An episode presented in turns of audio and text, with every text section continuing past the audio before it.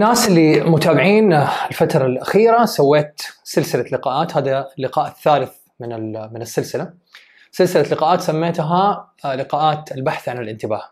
حتلاقوها موجودة عندي على IGTV وموجودة أيضا كمان على يوتيوب على هيئة آه، playlist اللقاءات هذه كانت من اللقاءين الأول والثاني وهذا الثالث. اللقاء الأول اللي ما أخذ اللي يعني حيتوه شوية معايا في الموضوع بإمكانك بعد ال live هذا ترجع مرة ثانية تشوف عشان تقدر تأسس الطرح مرة ثانية.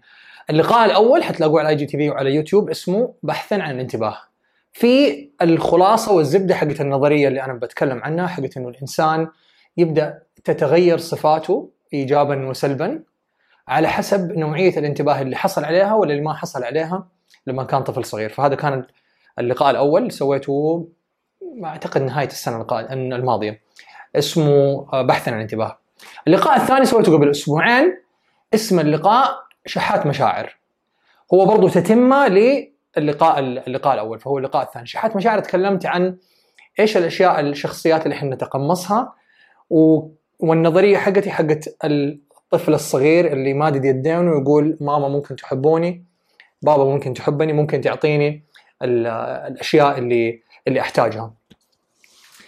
وتتم لهذا الطرح قررت إنه أتكلم عن واحد برضو من المبادئ يتكلم عنها ناس كثر جدا جدا. آه، بالإنجليزي الموضوع اسمه سكيب جوت بالعربي سميته كبش العائلة. في ناس يقولوا خروف العائلة في ناس يقولوا كبش الفداء. بس أبغى أبدأ مرة ثانية كده أصل الطرح قبل ما ندخل مباشرة في الموضوع. للناس اللي اول مرة كمان يحضروا. فخلينا ناخذ خطوات للخلف ونقول إنه إحنا أول ما تخلقنا في هذا العالم عن طريق الأم والأبو. كان عندنا احتياجات فسيولوجية جسدية يعني. الاحتياجات هذه هي الأكل والشرب والنفس والنظافة وجميع الأشياء اللي نحتاجها عشان لو ما عشان نقدر نعيش. ولو ما اخذناها هذه الاحتياجات ممكن نموت. هذه كلها أشياء فسيولوجية جسدية ما لها علاقة بالمشاعر ابدا. يعني جزئيا لها بس حتكلم عنها كده من منظور جسدي.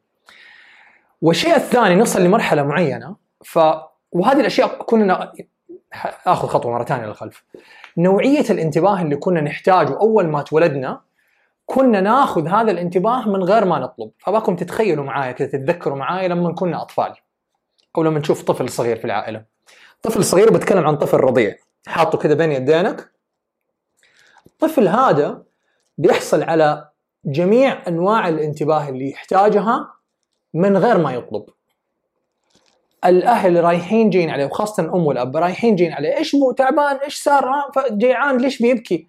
ولو تأخروا عليك نقطة وعليك نقطة مباشرة نبدأ نطلق إيش؟ ال- صفارات الإنذار حقتنا عشان نقدر ننادي نقول أنا جيعان أو أنا أحتاج أغير بامبرز أو أو أو أو, أو. تمام؟ فكل هذه الانتباه بين قوسين الحب اللي نحتاجه. ناخذه في مرحلة في المرحلة اللي نكون فيها رضع ناخذه بدون ما بدون ما نطلب. ما يحتاج نطلب بتاتا بتاتا. بس فجأة نصل لمرحلة اللي هي مرحلة التودلر مر- مرحلة التودلر اللي هو ال- اللي بدأ يحبي. بدأنا نحبي من الحبي بدأنا نسند شوية على الطاولات. كبرنا شويتين وطبعا بالتدريج ها.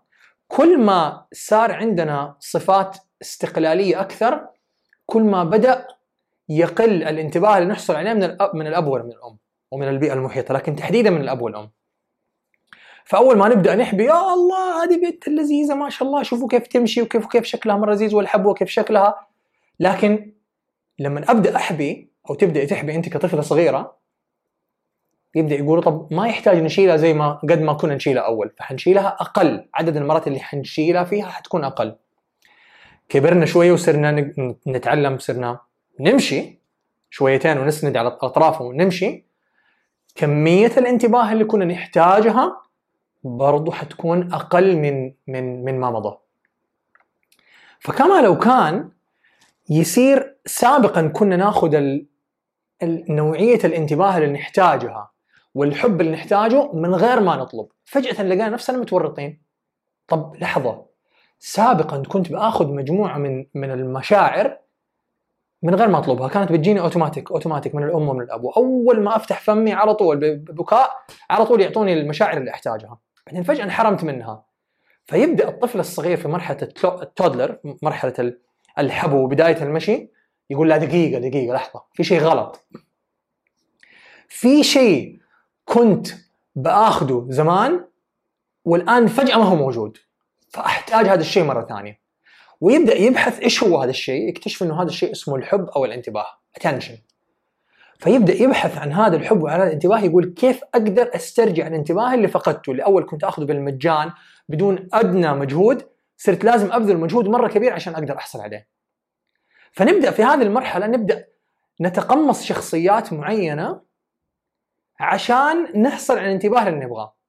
ولو تذكروا في الطرحين السابقين الطرح الأول حق بحث عن الانتباه والطرح حق شحات المشاعر تكلمت عن نقطة مرة مهمة.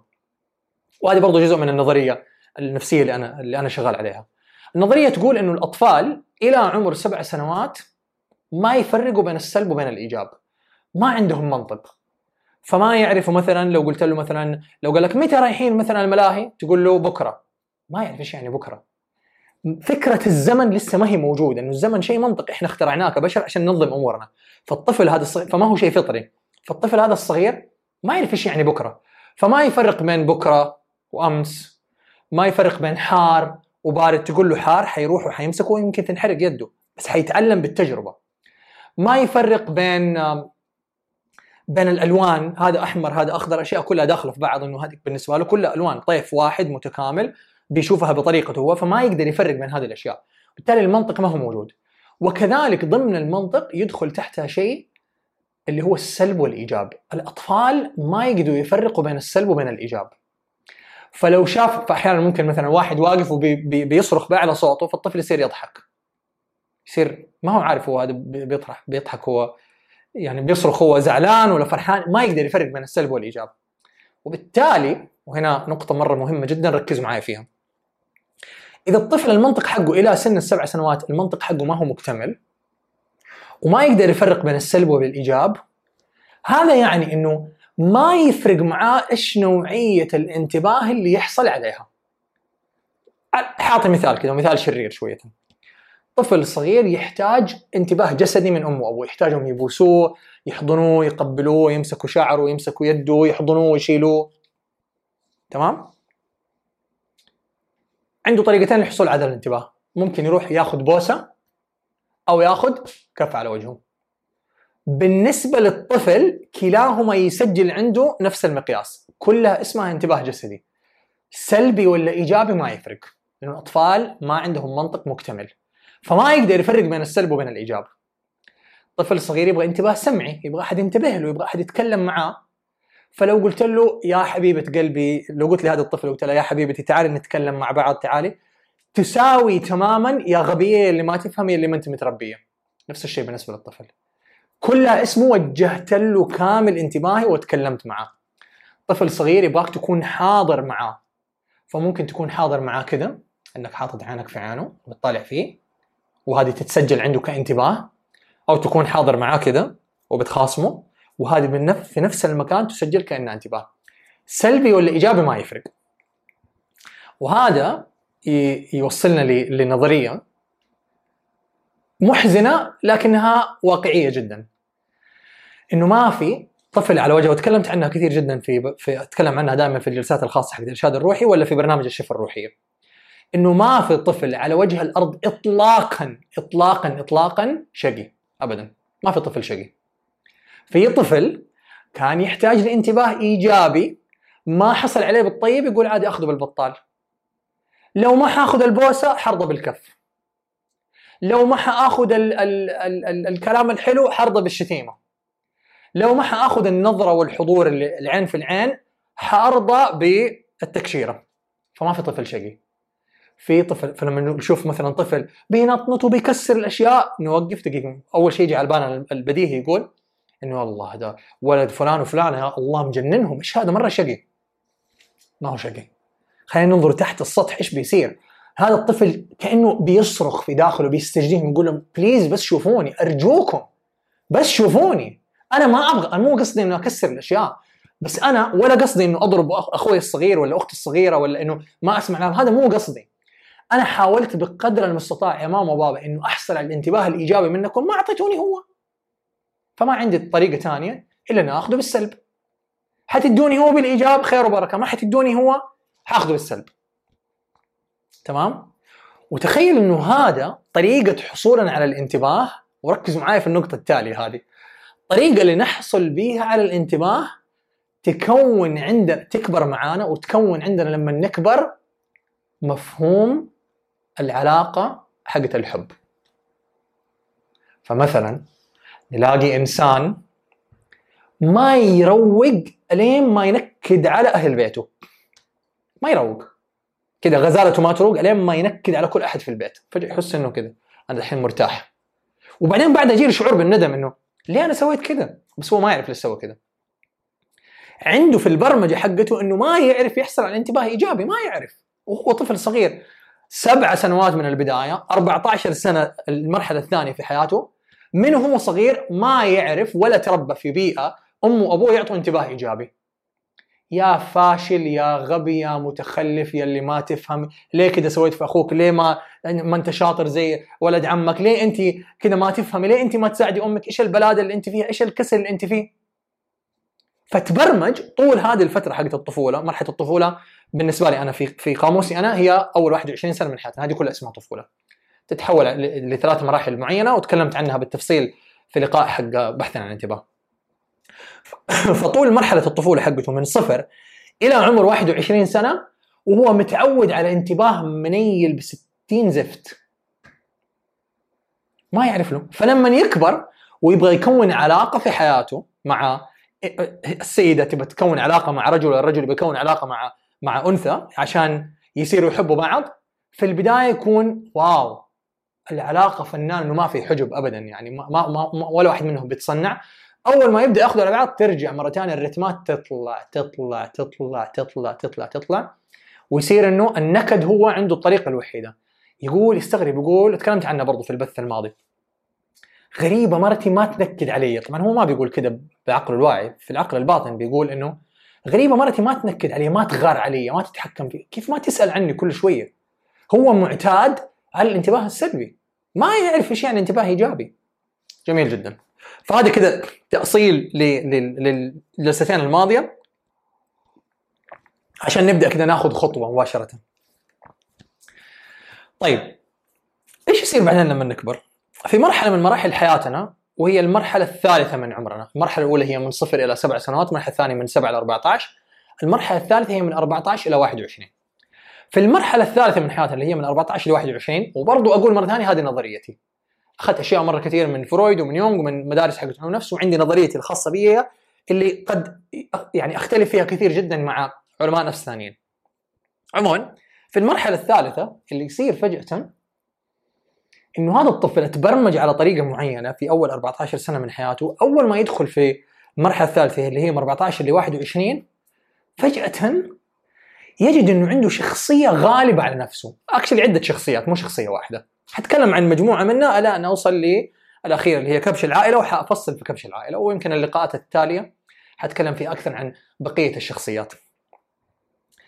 آه على فكرة أبغاكم تلاحظوا الناس اللي حاضرين معايا اللايف هذا يعني حصطاد في الموية عكره كده وإيش ويمكن حعكر مزاج البعض لكن أبغى أقول إنه ما في شيء يصير في في الحياة صدفة ابدا ابدا. فلو تلاحظوا يمكن بتكلم الكلام اللي بقوله قد يكون مؤلم جدا لبعض الناس قد يكون صادم وفي ناس قد يكونوا بيضحكوا. من قوة الألم بيضحكوا. ومو عارف ليش بيضحك بيضحك على شيء محزن بس ما يعرف ليش بيضحك أصلا. وهذه اللي حتكلم عنها الآن. بس خلوكم معايا كده في الآخر. عموما فالخلاصة في مرحلة حياتنا الثالثة اللي هو من 14 ل 21 فجأة نكتشف إنه إحنا تقمصنا شخصية معينة في حياتنا ما كنا نعرف إنه فجأة هذه الشخصية تقمصناها. ف يصير عندنا شخصية زائفة ما ما تخطر على بالنا إحنا بدون وعي أنا فجأة أخذناها. وهي مجموعة من الشخصيات. حتكلم عن كل واحدة منهم على عجالة وبعدين حابدا أتكلم عن آخر واحدة اللي هي عنوان اللقاء هذا. فأول شخصية قد يكون أبوي وأمي كانوا في البيت كانوا جدا شديدين في التعامل قاسيين شديدين. فالقسوة لو أنا صرت قاسي زيهم حدخل في صراع قوي جدا وهم دائما حينتصروا هم أكبر حجما و... وأكبر مسؤوليه وأنا طفل صغير ما أقدر أسوي شيء. فأبدأ أغير الاستراتيجيات حقتي. فأقول أوكي طيب مو نافع معايا إنه إذا هم حيكونوا قاسيين وشديدين أنا لو دخلت معاهم في القسوة حدخل وجها في وجه فأنا يعني خسران خسران في هذا في هذه المعادلة. فأقرر إنه أستبدل شخصيتي بشيء ثاني عشان ادابتيشن عشان أتأقلم مع الوضع الحالي. فأبدأ أتقمص مجموعه من الشخصيات. أول واحدة هذه اللي حتكلم عنها على عجالة أنا إلى أن أوصل للأخيرة. أول واحدة شخصية المهرج. فجأة اصير أنا المهرج حق العيلة. أضحك الناس على كل شيء وأضحك الناس حتى على نفسي. كل شيء بالنسبة لي هو هزلي مهما كان.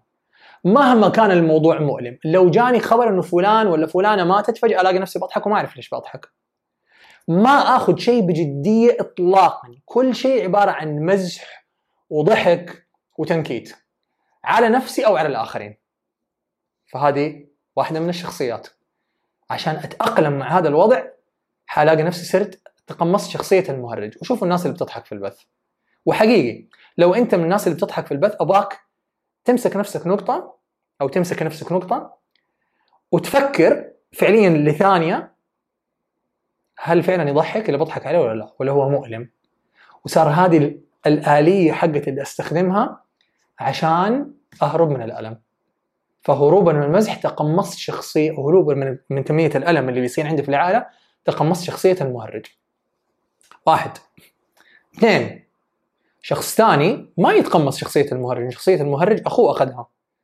فهو يتقمص شخصية أو هي تتقمص شخصية الجادة كل شيء عندي جاد كل شيء بالدقيقة بالثانية باللحظة كل شيء في لحظته.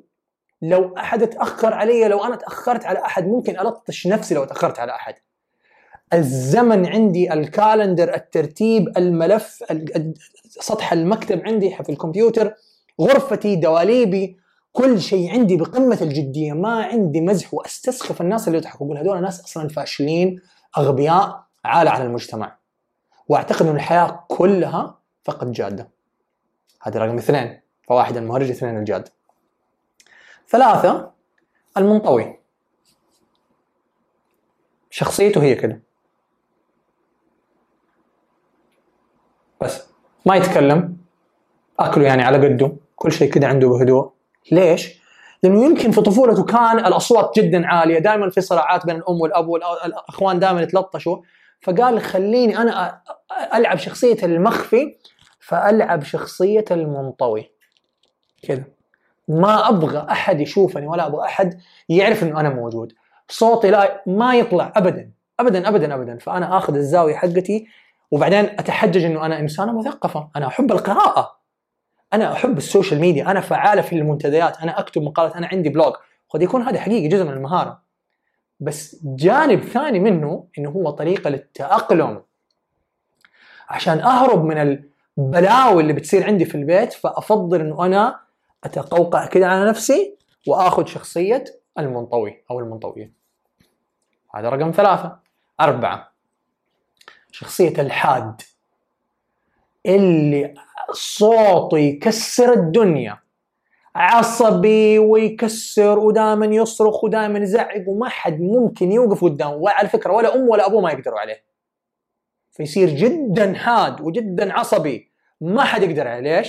برضو طريقة عنده للهروب من الوضع اللي هو فيه. فيضطر انه هو يستقوي على كل الناس عشان فجأة يكون يخفف كمية الأذى اللي بتجي عليه. هذا رقم أربعة. خمسة شخصية المتهكم بالله. من جدك أنت كذا وشكلك. شخصية المتهكم غير المهرج. المهرج يضحك الناس نفسه عليه عليه وعلى الآخرين. ويبغى يسوي كذا إيش؟ البهلوان الأراجوز اللي طول الوقت يضحك كل أحد. بس المتهكم اللي ما ياخذ أشياء بجدية. الله يا أخي من جد الناس تقول بالله كذا. أنت كذا شكلك؟ يلا. كان واحد من اصدقائي في أيام أيام الجامعة كنت كل ما ألبس لبس يجي يقول لي مرة حلو لبسك هذا في منه رجالي. كنت في البداية أضحك بس أحس إنه مرة إيش التعليق الغبي هذا اللي مرة يضايق؟ يتهكم على كل أحد إلى ان وصلنا لمرحلة إنه هذا الإنسان صار ما عنده أصدقاء ولا أحد صار عنده في حياته. لأنه شخصيته مؤذية جدا متهكم على كل أحد على كل أحد يتريق على كل أحد ينتقص على كل أحد حتى أحيانا من نفسه. بس أبغى نتكلم عن هذه الشخصيات أبغى نتكلم بتعاطف. نتكلم عن إيش اللي صار. إيش اللي صار تحت؟ كان البيت جدا جاد في طفولته فاضطر انه هو عشان يخرج من هذه الجديه إما إنه يكون المهرج أو يكون المنطوي أو يكون المتهكم. طيب رقم واحد اثنين ثلاثة أربعة خمسة رقم ستة شخصية الكسول. قاعد هو الكنبة وال remote ال control في يده وفي يد مشروب غازي وفي يد الشيبس. ولا يبغى يتحرك يسوي الحد الأدنى من كل شيء. طبعا إيش يصير لما يكون شخصية الكسول أو الكسولة؟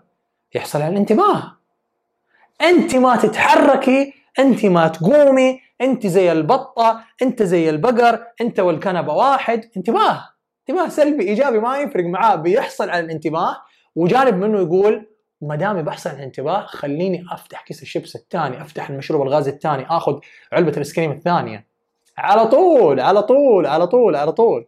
شيء ورا شيء ورا شيء. فبيجي له انتباه من الشخصية الكسول فيقول يلا. وهي ردة فعل إنه يمكن كان بيتقارن في الطفولة وهكذا. الشخصية اللي بعدها هي شخصية المنجز أو اللي أنا أسميها شخصية الخدوم. أي أحد يبغى أي شيء أنا حشمر يديني وحنطلق. والله لو تكلموا الساعة 2 في الليل حيسيب أي شيء في يده هو الإنسان اللي يضحي بكل شيء عشان الآخرين. هو اللي دائما يرتب السفرة هو اللي دائما يشيل السفرة هو اللي يغسل الصحون هو اللي يعني يفزع لك هو اللي يسلفك قبل ما تحتاج. ها إيش تحتاج؟ وهكذا. هذا كان ما يعطى أشياء اللي يحتاجها في الطفولة فقرر إنه هو يخدم كل أحد بقلبه. وقد يكون يصل لمرحلة التدمير الذاتي شخصية الخدم. الشخصية اللي بعدها هي شخصية العنيد. عنيد ما. ما في شيء يعدي منه. عنيد عنيد عناد رهيب ما له أول من آخر. ما في ولا حاجة يعديها. شيء يبغاه يحطه في راسه حيطلع والله غصبا عن مين. بس أرجع برضو مرة ثانية حقول نبغى نتكلم عن الموضوع بتعاطف. إيش اللي خلى هذا الطفل عنيد؟ يا ترى كم مرة أمه وأبوه كانوا يقولوا له في طفولته أنت أصلا مخك زي الحجر أصلك أنت عنيد. ما تفهم اللي في راسك تسويه. فيقول والله واو بيجيني انتباه من إنه يقولوا علي عنيد. يمكن خليني أكمل في الدور أسوق الدور ألعب الدور لما أكبر وأقول حصير العنيد. الشخصيه اللي بعدها شخصية المدم المتمرد. تقول يمين شمال. ناكل سوشي أبغى رز بخاري. ناكل رز بخاري أبغى شاورما. نروح المكان الفلاني ما أبغى أروح ما أبغى. طول الوقت متمرد متمرد حتى على نفسه. شيء يكون عاجبه ومشتهيه يتمرد على نفسه وما ياكل الشيء اللي يبغاه. طول الوقت. لأنه كمية الانتباه اللي كان يحصل عليها لما كان مطيع صفر فقرر إنه هو يصير متمرد ولاحظوا إنه أنا هذه الشخصيات اللي بتكلم عنها تصنيف الخاص وفي ناس كثر اتكلم عنها بس أنا صنفت هذا التصنيف وفي شخصيات ثانية بس بتكلم عن الأشياء الأساسية. هذه الشخصيات مو شرط تكون واحدة منهم فقط هي المهيمنة. ممكن إحنا كإنسان واحد نتنقل من هذه الشخصيات. مع ناس نكون متمرد مع ناس نكون المهرج مع ناس نكون اللحاد مع ناس نكون المتهكم مع ناس ثاني فشخصيتي في العمل غير شخصيتي مع الأصدقاء غير مع أمي وأبويا غير مع إخواني غير لما نكون لحالي.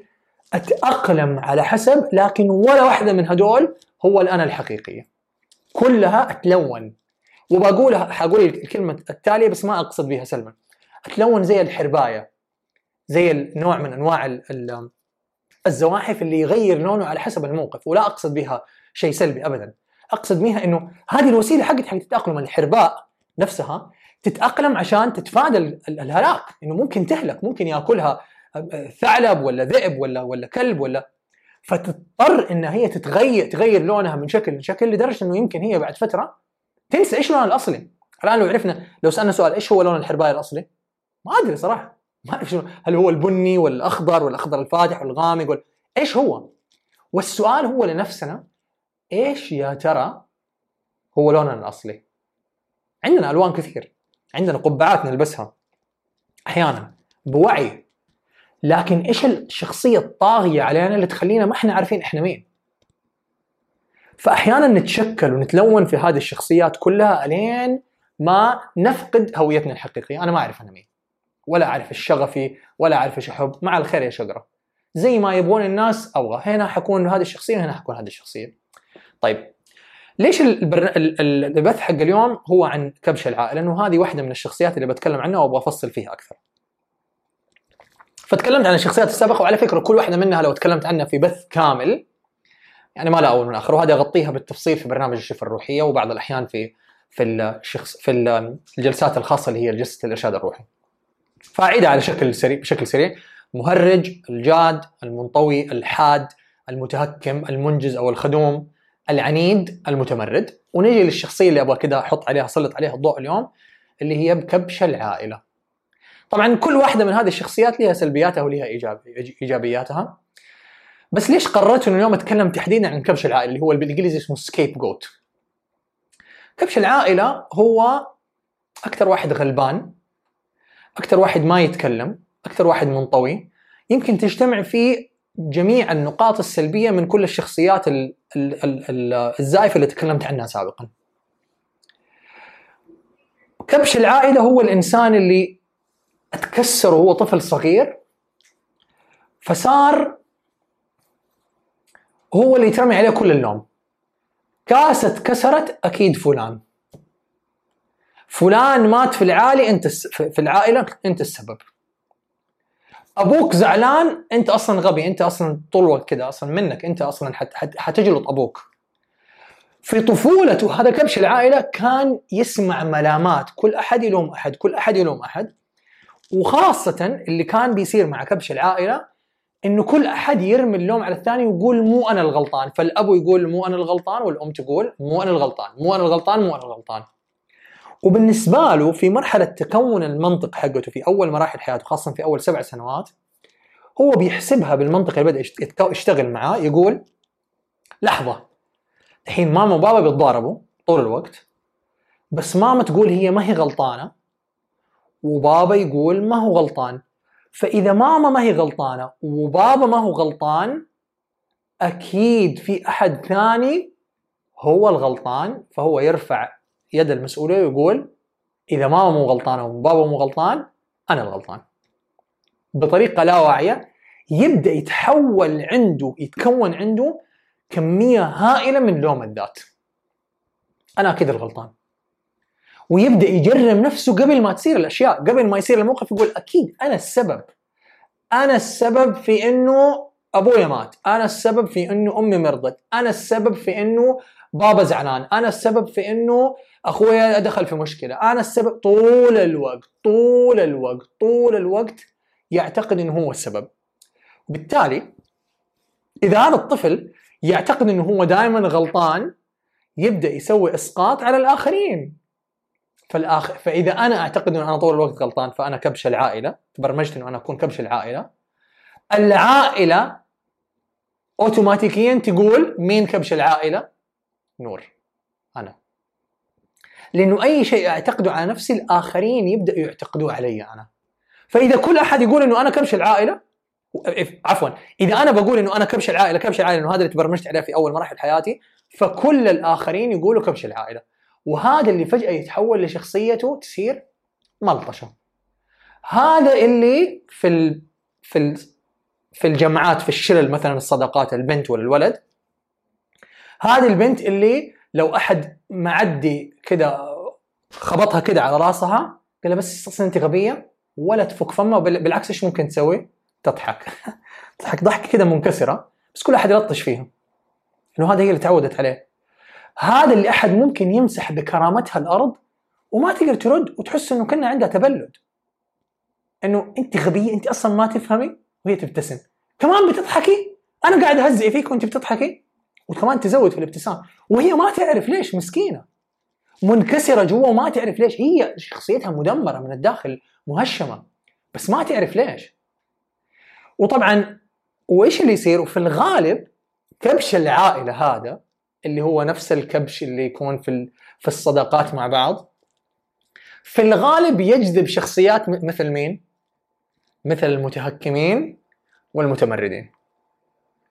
لأنه مع كل مظلوم لازم يكون في ظالم عشان تكتمل المعادلة. ما ينفع يكون في مظلوم. ما أقدر أقول إذا أنا عايش لحالي على كوكب الأرض أقول أنا إنسان مظلوم. سوري مين ظلمك؟ لازم إذا أنا مظلوم لازم يكون في أحد ثاني ظلمني. فمع كل كبش فداء كبش عائلة لازم يجذب عشان تكتمل المعادلة. عنده يجذب أحد في حياته زي أمه زي أبوه خارج البيت.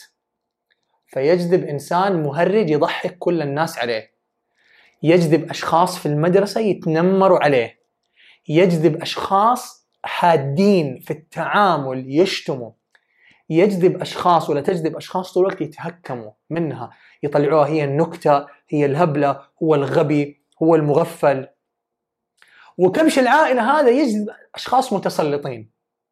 كيف يعني يجذب أشخاص متسلطين؟ اللي يلا يلا يلا هات بس خلاص هات الساندويتش حقك أنا خلاص مو لازم تاكلي انت خلاص شبعانة. ويعطي له الساندويتش. يلا خلاص فلان اليوم هي حتعزمنا حتعزمينا صح؟ أصلا مو على كيفك. يلا يلا حتدفع الفلوس. وتدفع الفاتورة. من غير ما تدري. من غير ما تشعر إنه هي ليش دفعت الفاتورة. هي ما هي فاهمة في داخلها. هذا الشخص اللي هو كبش العائلة هو ما هو عارف ليه كذا بيسوي.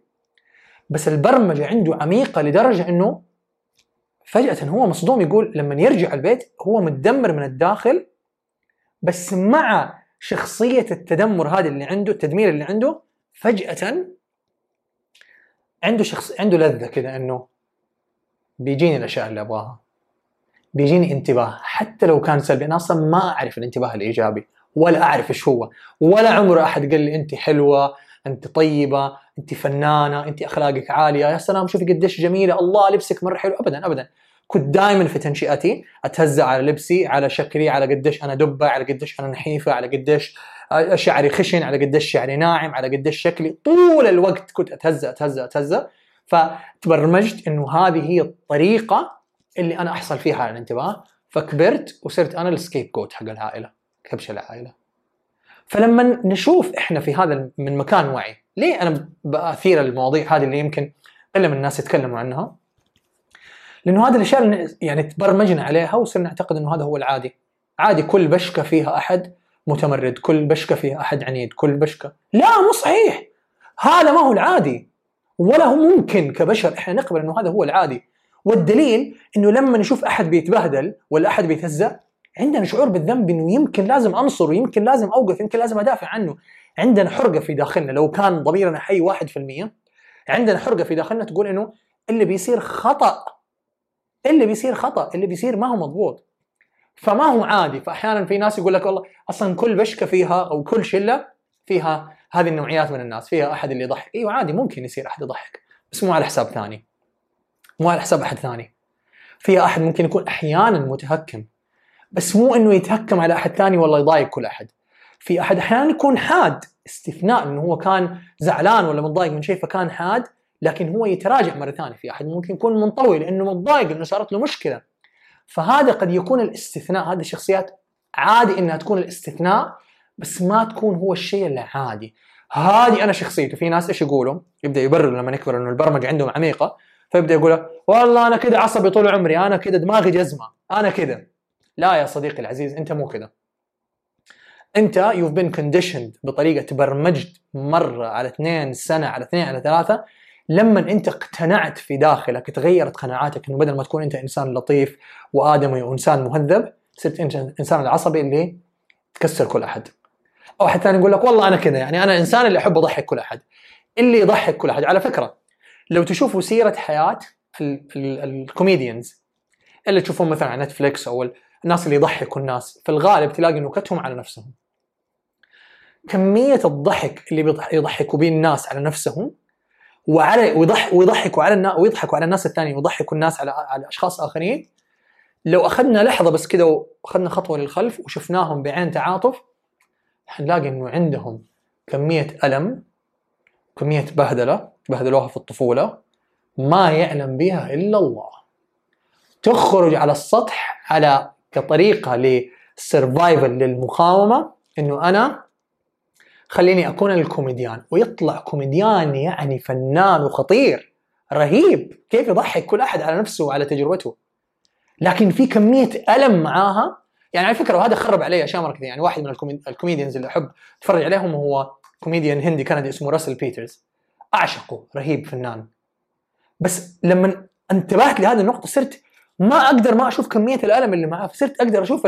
ما أقدر أشوفه وأستمتع فيها 100% فكأنه جانب مني خرب على نفسي إنه ماني قادر أشوفه ككوميديان فقط نقطة من أول السطر بشوفه ككوميديان وبشوفه لما نتكلم عن أبوه كيف كان يلطش ولما نتكلم عن أمه كمية الألم اللي موجودة في الكلام اللي نقدر نقرأها بين السطور يعني مبكية مبكية مبكية مبكية والسؤال هو لنا إحنا ويمكن الخلاصة من هذا الطرح إنه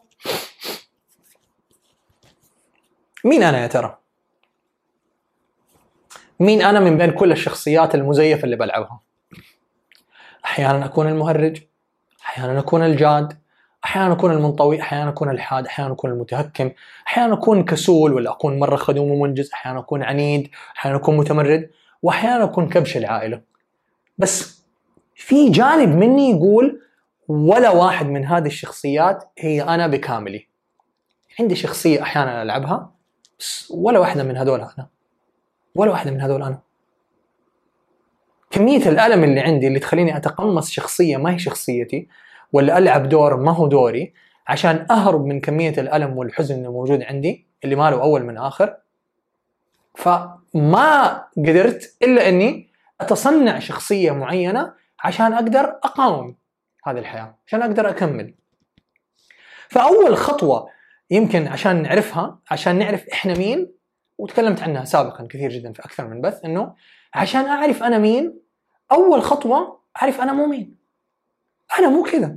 حقولها بالصوت بصوت عالي بيني وبين نفسي. حقول إنه أنا ماني مهرج طول الوقت. أنا مهرج بعض الوقت. أنا ماني جاد وعنيد طول الوقت. أنا ماني منطوي. أنا ماني حاد. شخصيتي ما هي حادة. أنا مو فأبدأ أستثني أستثني أستثني أستثني أستثني.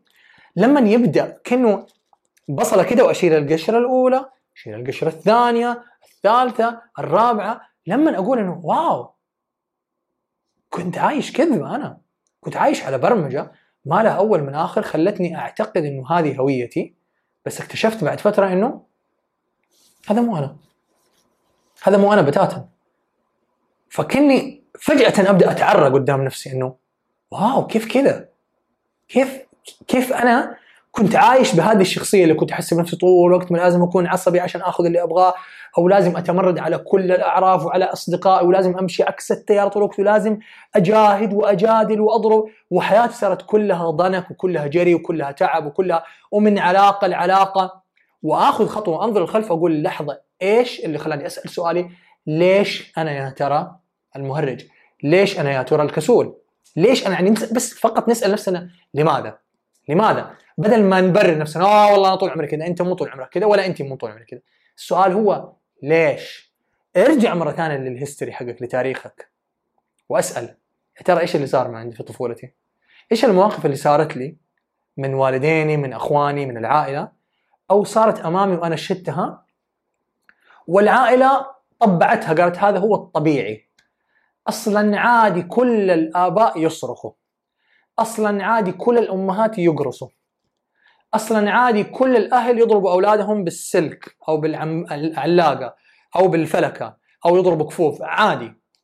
هي كذا هذا هو الطبيعي في كل العوائل. هذه كذبة مرة كبيرة. كذبة العادي كذبة كبيرة جدا جدا. هذا ما هو العادي. هذا هو الإجرام. هذا هو الاستثناء. العادي هو الإنسان يكون طيب وكويس مع أبنائه ويتعامل معهم بأكبر قدر وعي يقدر عليه ويشتغل على نفسه على علاقته مع ذاته عشان ما يورثهم البلاوي اللي هو ورثها من أمه ومن أبوه. وتتوارثها الأجيال. ناخذ من شخص للثاني ناخذ من الشخص للثاني. وهكذا نورث لأبنائنا. لو نبغى نورث أبنائنا مسؤوليتنا سواء عندك أبناء وعندك أو عندك أبناء أو ما عندكم الفكرة ما هي فقط في الأبناء. الفكرة في علاقتنا مع ذاتنا إحنا. إنه السؤال اللي نبغى نسأله نفسنا هل أنا مرتاح؟ هل أنا مبسوطة من نفسي؟ هل أنا أقدر أجلس مع نفسي؟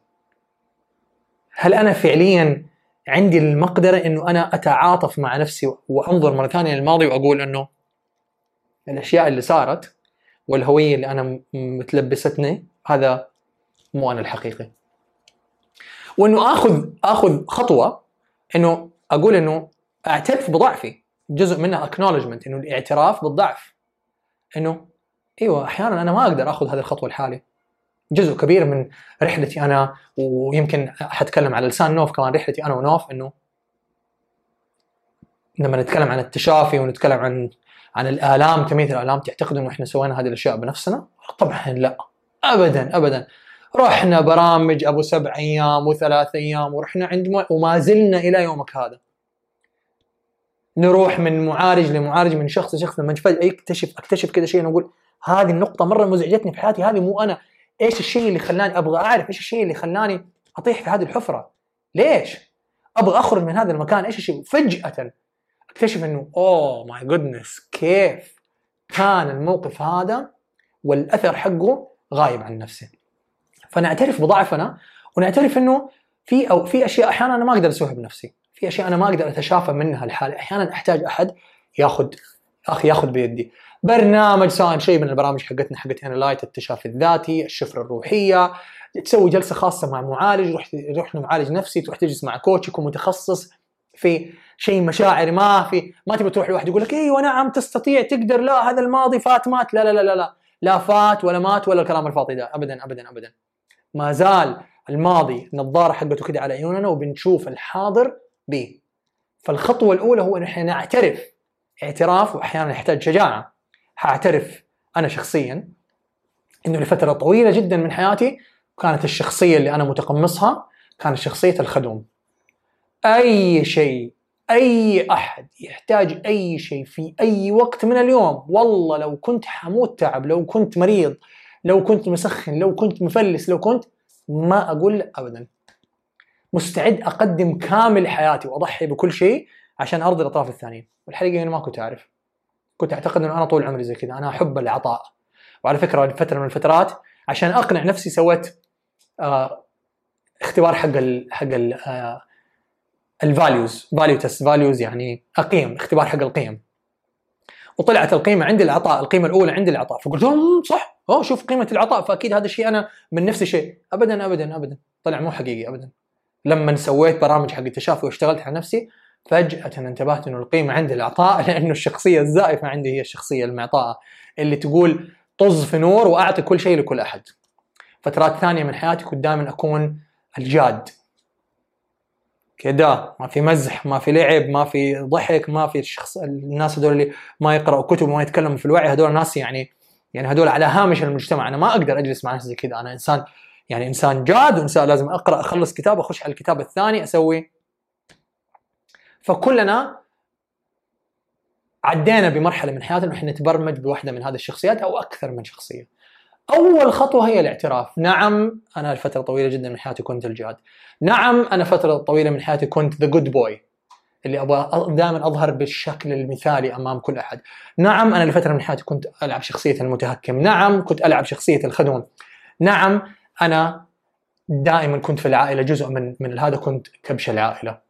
أول مرحلة للخروج من المكان اللي أنا فيه أعترف إنه أنا أصلا في هذا المكان عشان ما أقدر أحل المشكلة وهي خفية، لازم أحطها قدامي أواجهها وأقول هذه هي المشكلة شايفها؟ الآن كيف أقدر أخذ خطوة تجاه هذه المشكلة. أبغى أعترف اعتراف ثاني، أبغى أقول إنه كل البثوث اللي أنا أسويها، كل اللايفز اللي أنا أسويها على إنستغرام أنا أتعمد إنها ما تكون ما تكون سطحية. وقد تكون مزعجة لناس مرة كثير جدا لكن واحدة من القيم عندي إنه أنا أقول الحقيقة. وأحاول بقدر المستطاع إنه أقول الحقيقة بألطف طريقة ممكنة. عشان الحقيقة تلمس القلوب الكلام اللي يخرج من القلب يوصل للقلب. والكلام اللي يلمس القلب هو اللي يشعل الشرارة حقت التغيير اللي أقول خلاص كفاية تعبت من هذا كله أحتاج آخذ خطوة تجاه ذاتي فلو كان الكلام اللي أنا بقوله مزعج اسأل نفسك ليش انزعجت؟ ليش انزعجت؟ ليش ما قدرت تكمل البث للآخر؟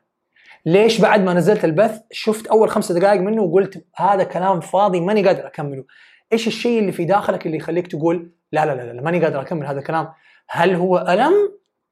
هل هو فجأة لقيت نفسك عريان؟ هل فجأة لقيت إنه إحنا واو انت ما انت لحالك في أحد ثاني يعدي بنفس المعاناة اللي انت فيها ويمكن ما زال إلى هذا اليوم بيعدي بنفس هذه التجربة وما زال هذه الشخصية ركبته من فوق لتحت ومو قادر يخرج منها.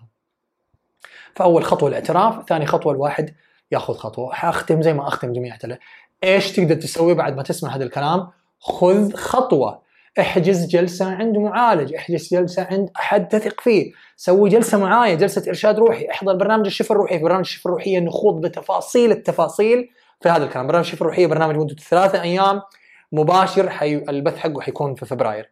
لو حاسس انك ما تبغى تتكلم أمام الملأ أمام مجموعة من الناس خذ خطوة واحجز جلسة إرشاد روحي معايا. حتلاقي الرابط حقها موجود عندي في في آه في على ال profile حقي. حتلاقي في في, في الرابط اللي موجود حتلاقي في ال link حق الجلسات الاستشارية حتلاقي في مجموعة جلسات المتابعة ولا ولا الشفره الروحية ولا ولا برنامج التشافي الذاتي ولا برنامج تصبيحة. خذ خطوة أي خطوة على الإطلاق في أي اتجاه.